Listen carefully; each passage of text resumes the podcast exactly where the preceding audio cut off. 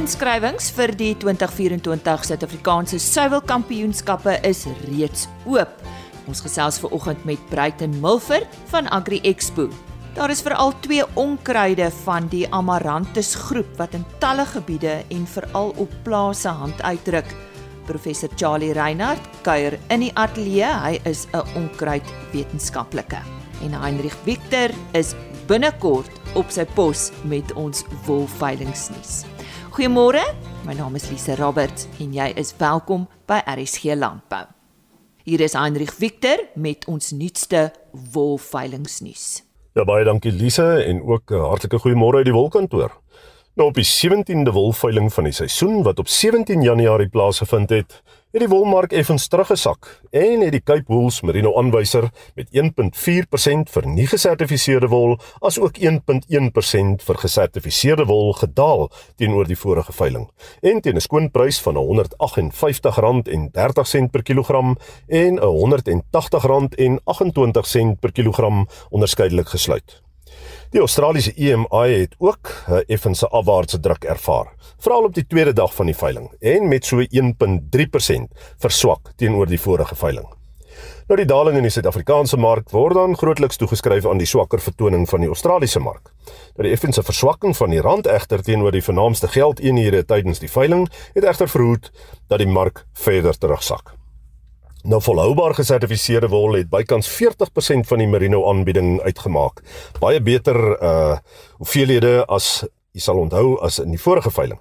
Terwyl die grootste persentasie van die aanbieding uit goeie lengtes fynere wol bestaan het. Nou alhoewel die mark in geheel afwaarts geneig het, het 18.5 mikron en fynere wol 'n opwaartse kurwe getoon. Daar is in totaal 12625 bale aangebied na onttrekking van so rondom 1078 bale voor die veiling, waarvan 96% verkoop is. Tianyu SA het op hierdie veiling die grootste hoeveelheid bale gekoop, gevolg deur Modiano SA, Standard Wool SA en dan BKB Pinnacle Fiber. Maar die gemiddelde skoonwolpryse vir die seleksie binne die verskillende mikronkategorieë goeie lang kamwol MF5 tipes was dan soos volg. En soos gewoonlik en soos u ook al gewoond is daaraan, onderskei ons tussen nie gesertifiseerde en gesertifiseerde wol. Kom ons begin hierdie keer by 17 mikron. En soos ons genoem het, het die fynere wolle baie beter presteer. Nie gesertifiseer R225.56 per kilogram. Gesertifiseer R239.85 per kilogram met 'n premie van 6.3%. 17.5 mikron, nie gesertifiseer R219.17 per kilogram. Gesertifiseer R227.29 per kilogram met 'n premie van 3.7%. Dan kan ons kyk na 19 mikron wol. Nie gesertifiseerde wol het verkoop vir R182.54 per kilogram, terwyl gesertifiseerde wol 'n prys van R190.04 per kilogram behaal het met 'n premie van 4.1%. Dan laastens kan ons loer na 19.5 mikron. Nie gesertifiseerde wol het 'n prys van R126 of R176.28 liewer per kilogram behaal teenoor gesertifiseerde wol wat verkoop is vir R181.64 per kilogram. Nou ja, dit is waarvoor ons tyd het uh hierdie week. Die volgende wolveiling is dan geskeduleer vir 24 Januarie waar daar sowat 9685 bale aangebied sal word. Tot ons dan weer gesels, tot 'n volgende keer. Alles wat mooi is vir u en mooi loop. Heinrich Victor met verlede week se wolpryse wat by veilinge daar in Kebega behaal is.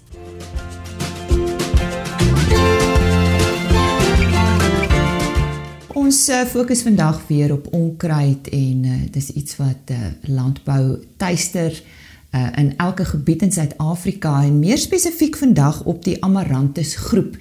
Nou bekende hier by uh, ons in die ateljee professor Charlie Reinhardt, hy's verbonde um, aan die Noordwes Universiteit en Universiteit van Pretoria. Uh, verwelkom ons graag weer. Charlie, welkom. Baie dankie. Altyd lekker om hier te wees. En so lekker vroeg in die nuwe jaar. Ja, en spesifiek om oor plante te kan praat. Altyd met jou. Ons fokus op die Amaranthus groep. Miskien net weer ter inleiding uh waarop spesifiek en vertel ons van hierdie juis hierdie groep waar dit vandaan kom en ja. so voort. Die Amaranthus groep of genus in die wêreld behels meer as 70 spesies. Daarvan is daar so 20 in Suid-Afrika. Maar 'n klein groepie van hulle het probleemstatus bereik in die vorm van onkruid op gewaslande. En ons navorsingsfokus by die Universiteit van Pretoria is dan ook op die soorte wat onkruidstatus het en uh, ons doen navorsing op hulle en hulle hou werklik 'n al hoe groter bedreiging in vir gewasproduksie spesifiek. Waar kom hulle vandaan? Hulle kom verskillende dele van die wêreld, maar die twee waarop ons vandag gaan fokus, Amaranthus hybridus en Amaranthus palmeri, uh, hulle kom albei uit Noord-Amerika. En jy weet nie hoe dit ingekom het in Suid-Afrika nie. Ons is nie seker hoe dit aangekom het nie, een van die twee nie. Hybridus is die bekende Marog, uh, Kaapse misbredie, lankal met ons oorspronklik uitheemse indringerplant, maar so genaturaliseer 100 jaar, meer as 100 jaar, ons is nie seker nie.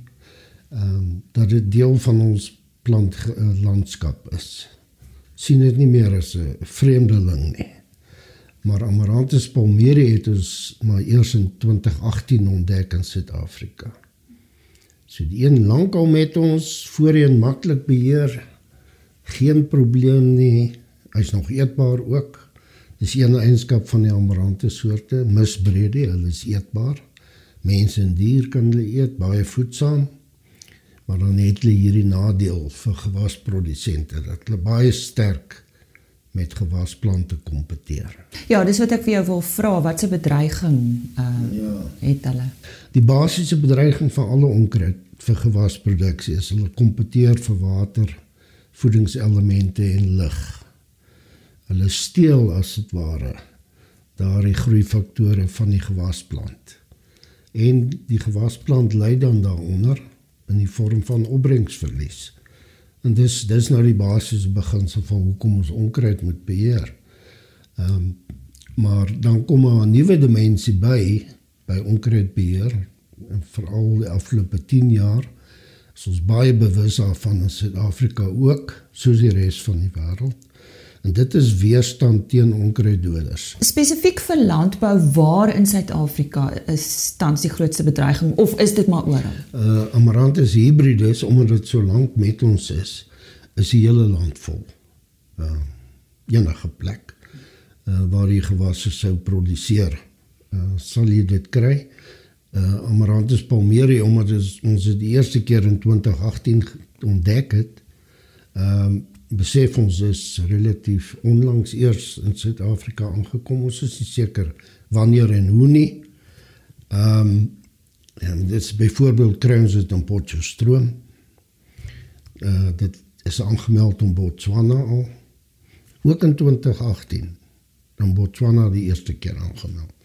En interessant genoeg uh, Sanparke se plantkundiges het dit ook in 2018 uh langs die Limpopo rivier by naby Pafuri ontdek. Nou die koneksie daar is waarskynlik met die Botswana populasies.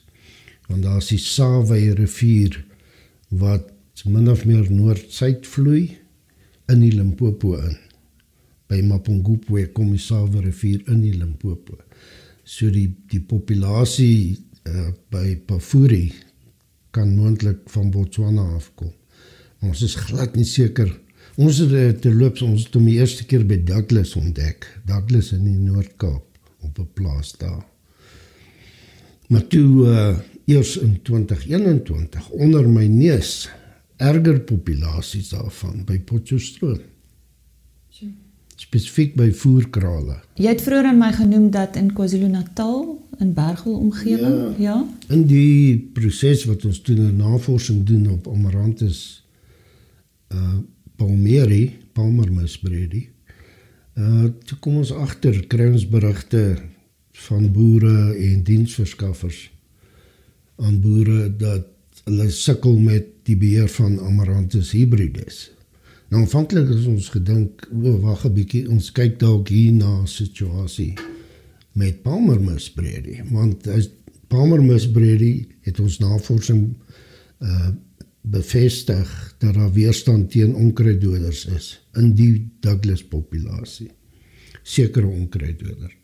En ons weet lankal waar dit vandaan kom in Amerika waar dit hulle nommer 1 gewas onkruid terloops is.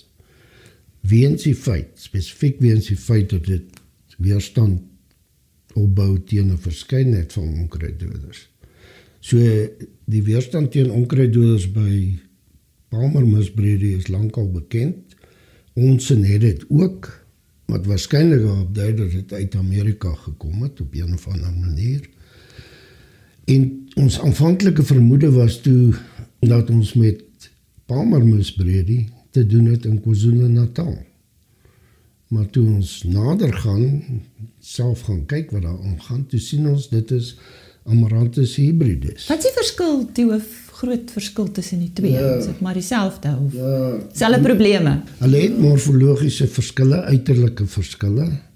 Uh die blaarsteel by Palmer misbreedie is opvange langer as die blaarskyf. So jy kan die blaarsteeltjie waarmee die blaar nog geheg is aan die stingel kan jy oorvou oor die blaarskyf en dan sê aansienlik en opvallend langer as die blaarskyf. Terwyl jy dit nie kry by by uh, die gewone Kaapse misbreedie nie. En dan ook by die bloeiwyses, uh die blomme. Die bloeiwyses van Palmer misbreedie is opvallend sterk ontwikkel. Uh terwyl die van uh, die Kaapse misbreedie nie so sterk ontwikkel is nie. Wat behels julle navorsing? Ons navorsing, uh, ons het op ander onkruid gewerk al van 2012 af op skraalhans Conaisa bonariensis se weerstand teen glifosaat onkruiddoder. Ons het daarvoor befondsing gehad van die landbouchemiese industrie. So daai navorsing het ons afgehandel oor so 7-8 jaar. Uh weerstand bewys in skraalhans populasies die hele land vol. En toe ons nou Palmer misbreedie ontdek met die weerstand daaraan gekoppel, onkruiddoder weerstand. Ehm uh, toe skuif ons fokus na na Amaranthus toe. Maar nou sit ons met twee Amaranthus spesies waarvan ons weet daar weerstand is. So in KwaZulu-Natal by Bergwil, in Bergwil distrik het ons 'n populasie wat absoluut weerstand het teen glifosaat en nog 'n belangrike onkruiddoder chlorimiron etiel. Ehm um, en, en ek noem glifosaat en nou moet ons besef dat meer as 90% van die sojabone wat in Suid-Afrika geproduseer word is glifosaat weerstandig. Selfde families. Katoen is 100% glifosaat weerstandig. So ons het net daardie kultivars wat glifosaat weerstandig is. So die boere, die produsente van hierdie gewasse is grootliks aangewese op glifosaat. Dis hoekom hulle die gewasse koop om sodat hulle net een onkruiddoder hoef te gebruik. En nou is daai onkruiddoder nie meer effektief op ten minste hierdie onkruid nie. So by bergwilde populasie absoluut, jy kan hom 4 keer die geregistreerde dosis van glifosaat toedien en hy gaan nie dood nie. So watse raad het julle? Ja, uh, laat laat ek net gou sê en dan is by Winterton. En jy weet Bergville en Winterton is skaars 20, 30 km uit mekaar. Daar het ons 'n populasie wat tussen gevoelig en weerstand is. So jy te waar die plante wat jy toets, sommige gaan dood en ander gaan nie dood nie. Ander word beskadig maar herstel. So 'n populasie in transisie. So as jy aanhou met net glifosaat toedien op daai populasie, dan gaan jy volslae weerstand kry. Soos wat jy by Bergville het. Dis die lesse wat ons leer. En dan 'n uh, kontrolepopulasie het ons gelukkig ook van Hendrina. Ek praat nou van Amaranthus hybridus, né? Wat absoluut weer gevoelig is. Die helfte van die geregistreerde dosis maak hom totaal dood. So wat is die oplossing het jy gevra? Wel, jy moet definitief nie alleenlik staat maak op net glifosaat. Veral nie in sulke situasies waar jy sien 'n plantsoort wat jy vroeër maklik beheer het, raak nou hardnekkig uh, word nie meer so maklik beheer nie. Dan jy ander ander uh, metodes van beheer inbring soos uh, meganiese bewerking. Uh, selfs met die hand uittrek as dit moet en kan, maar dis 'n moeilike een en natuurlik ander onkruiddoders wat 'n ander manier van werking het as as glifosaat. So die chemiese maatskappye het maar hulle hande vol. Hulle het hulle hande vol deesdae. Hulle spring behoorlik rond. Professor Charlie Reinhardt is 'n onkruidwetenskaplike verbonde aan die Universiteite van Pretoria en Noordwes. Hy's ook hoof van die departement agronomie by die Noordwes Universiteit. Inskrywings is reeds oop vir die 2024 Suid-Afrikaanse Suiwelkampioenskappe wat vanjaar vir die 191ste keer plaasvind. Die kampioenskappe wat sedert 1834 deur Agri Expo aangebied word, lok jaarliks sowat 900 inskrywings van groot, medium en klein suiwelvervaardigers. Ek gesels nou met die hoofbestuurder van Agri Expo, Bruiten Milford. Bruiten, goeiemôre. Waarom dink jy behoort ons plaaslike suiwelprodukvervaardigers vir die kampioenskappe in te skryf? Dis 'n goeie dag aan jou en aan almal wat ingeskakel is. Dis lekker om julle te gesels hier aan die begin van 2024. Ja, weet jy, ek dink die Suid-Afrikaanse suiwelkampioenskappe, daar's verskeie redes hoekom ek glo vervaardigers moet inskryf. Die, die eerste ene is dis die oudste ene op die kontinent. Dit word aangebied deur Agri Expo wat natuurlik nie 'n fly by night organisasie is nie en wat al vir baie jare aankom. Maar dan vir die vervaardiger self skep dit 'n geleentheid om hulle produkte te meet. So dit is vir my belangrik. Hulle kry 'n kans om hulle produkte te meet teen ander mense en te sien, jy weet, hoe hoe vergelyk ons produkte in die mark daar buite? Wat sê die suiweltegnoloë? Wat sê die chefs? Wat sê die insetverskaffer? Wat sê die kundiges van ons produkte? So jy kry daai daai terugvoering wat vir jou sê, luister man, ek maak 'n vette, maar die mense wat die kundige sê my vette is, is dalk 'n bietjie te sout, byvoorbeeld. Jy weet, so dadelik kan jy jou produk verbeter. Maar dan die groot ding is dat indien jy 'n kwaliteitproduk vervaardig, gee dit jou 'n bemarkingsvoorsprong bodyres. En dit het ons op baie plekke al gesien, klein ouetjies wat uitgestyg het en wat vandag mee rekening gehou word want hulle maak kwaliteitprodukte en as hier nie so 'n kompetisie was nie, dan sou mense nooit van hulle gewete teen te neem nie. So dis vir ons belangrik en as 'n landbougenootskap is dit vir ons belangrik om op so 'n wyse dan nou die suiwelbedryf te help bevorder. So wat kan ingeskryf word? Hoe, hoeveel klasse is daar? Ja, Lise, weet jy, ons probeer die hele suiwel spektrum dek. Ons het so 'n paar jaar gelede het ons melk bygebring wat nie voorheen daar was nie. Ons het rom bygebring. Ons het vir jaar streund yoghurt aangebring. Ons het ook ehm um, kefir, kefir, mense spreek dit partymal ander lewens vir vir jaar aangebring. Maar daar's meer as 100 klasse. So dis enigiets van 'n vars kaas, 'n romkaas, ehm um, smeerkaas verskeie jogurts, jogurt met vrugte, jogurt met ander byvoeglikhede, ehm um, name it, enigiets, romhuis, ehm um, doopsouse, enigiets waarin jy kan dink wat suiwel betref en wat vervaardig word en in die handel beskikbaar word, beskikbaar is, dis wat hulle kan inskryf. So meer as 100 klasse uit 'n wye spektrum van van suiwel en enigiets en en die ander ding is ook uh, bokmelk natuurlik het ook die laaste klompie jaar baie goed gegroei en ehm um, daar's ook 'n geleentheid groot geleentheid vir die bokmelkvervaardigers. Ons het ook so 'n paar jaar gelede buffelmelk ingebring wat ook geweldig gegroei die laaste klompie jare. So ja, so ons skep regtig die geleentheid vir enige iemand wat iets maak met suiwel om in te skryf. Die kampioenskappe het 'n ryk geskiedenis en soos ek gesê het, bestaan sedert 1834. Hoe werk die kompetisie? Ja, so jy jy skryf in aanlyn en die eerste plek moet jy ons ehm um, webwerf besoek om dan nou die klaslys te sien en te kyk, jy weet sê nou maar jy maak 'n uh, sagte vars kasie, dan moet jy gaan kyk, het jy is daar so 'n klas vir daai kaas. Dan skryf jy die produk, skryf jy dan in aanlyn.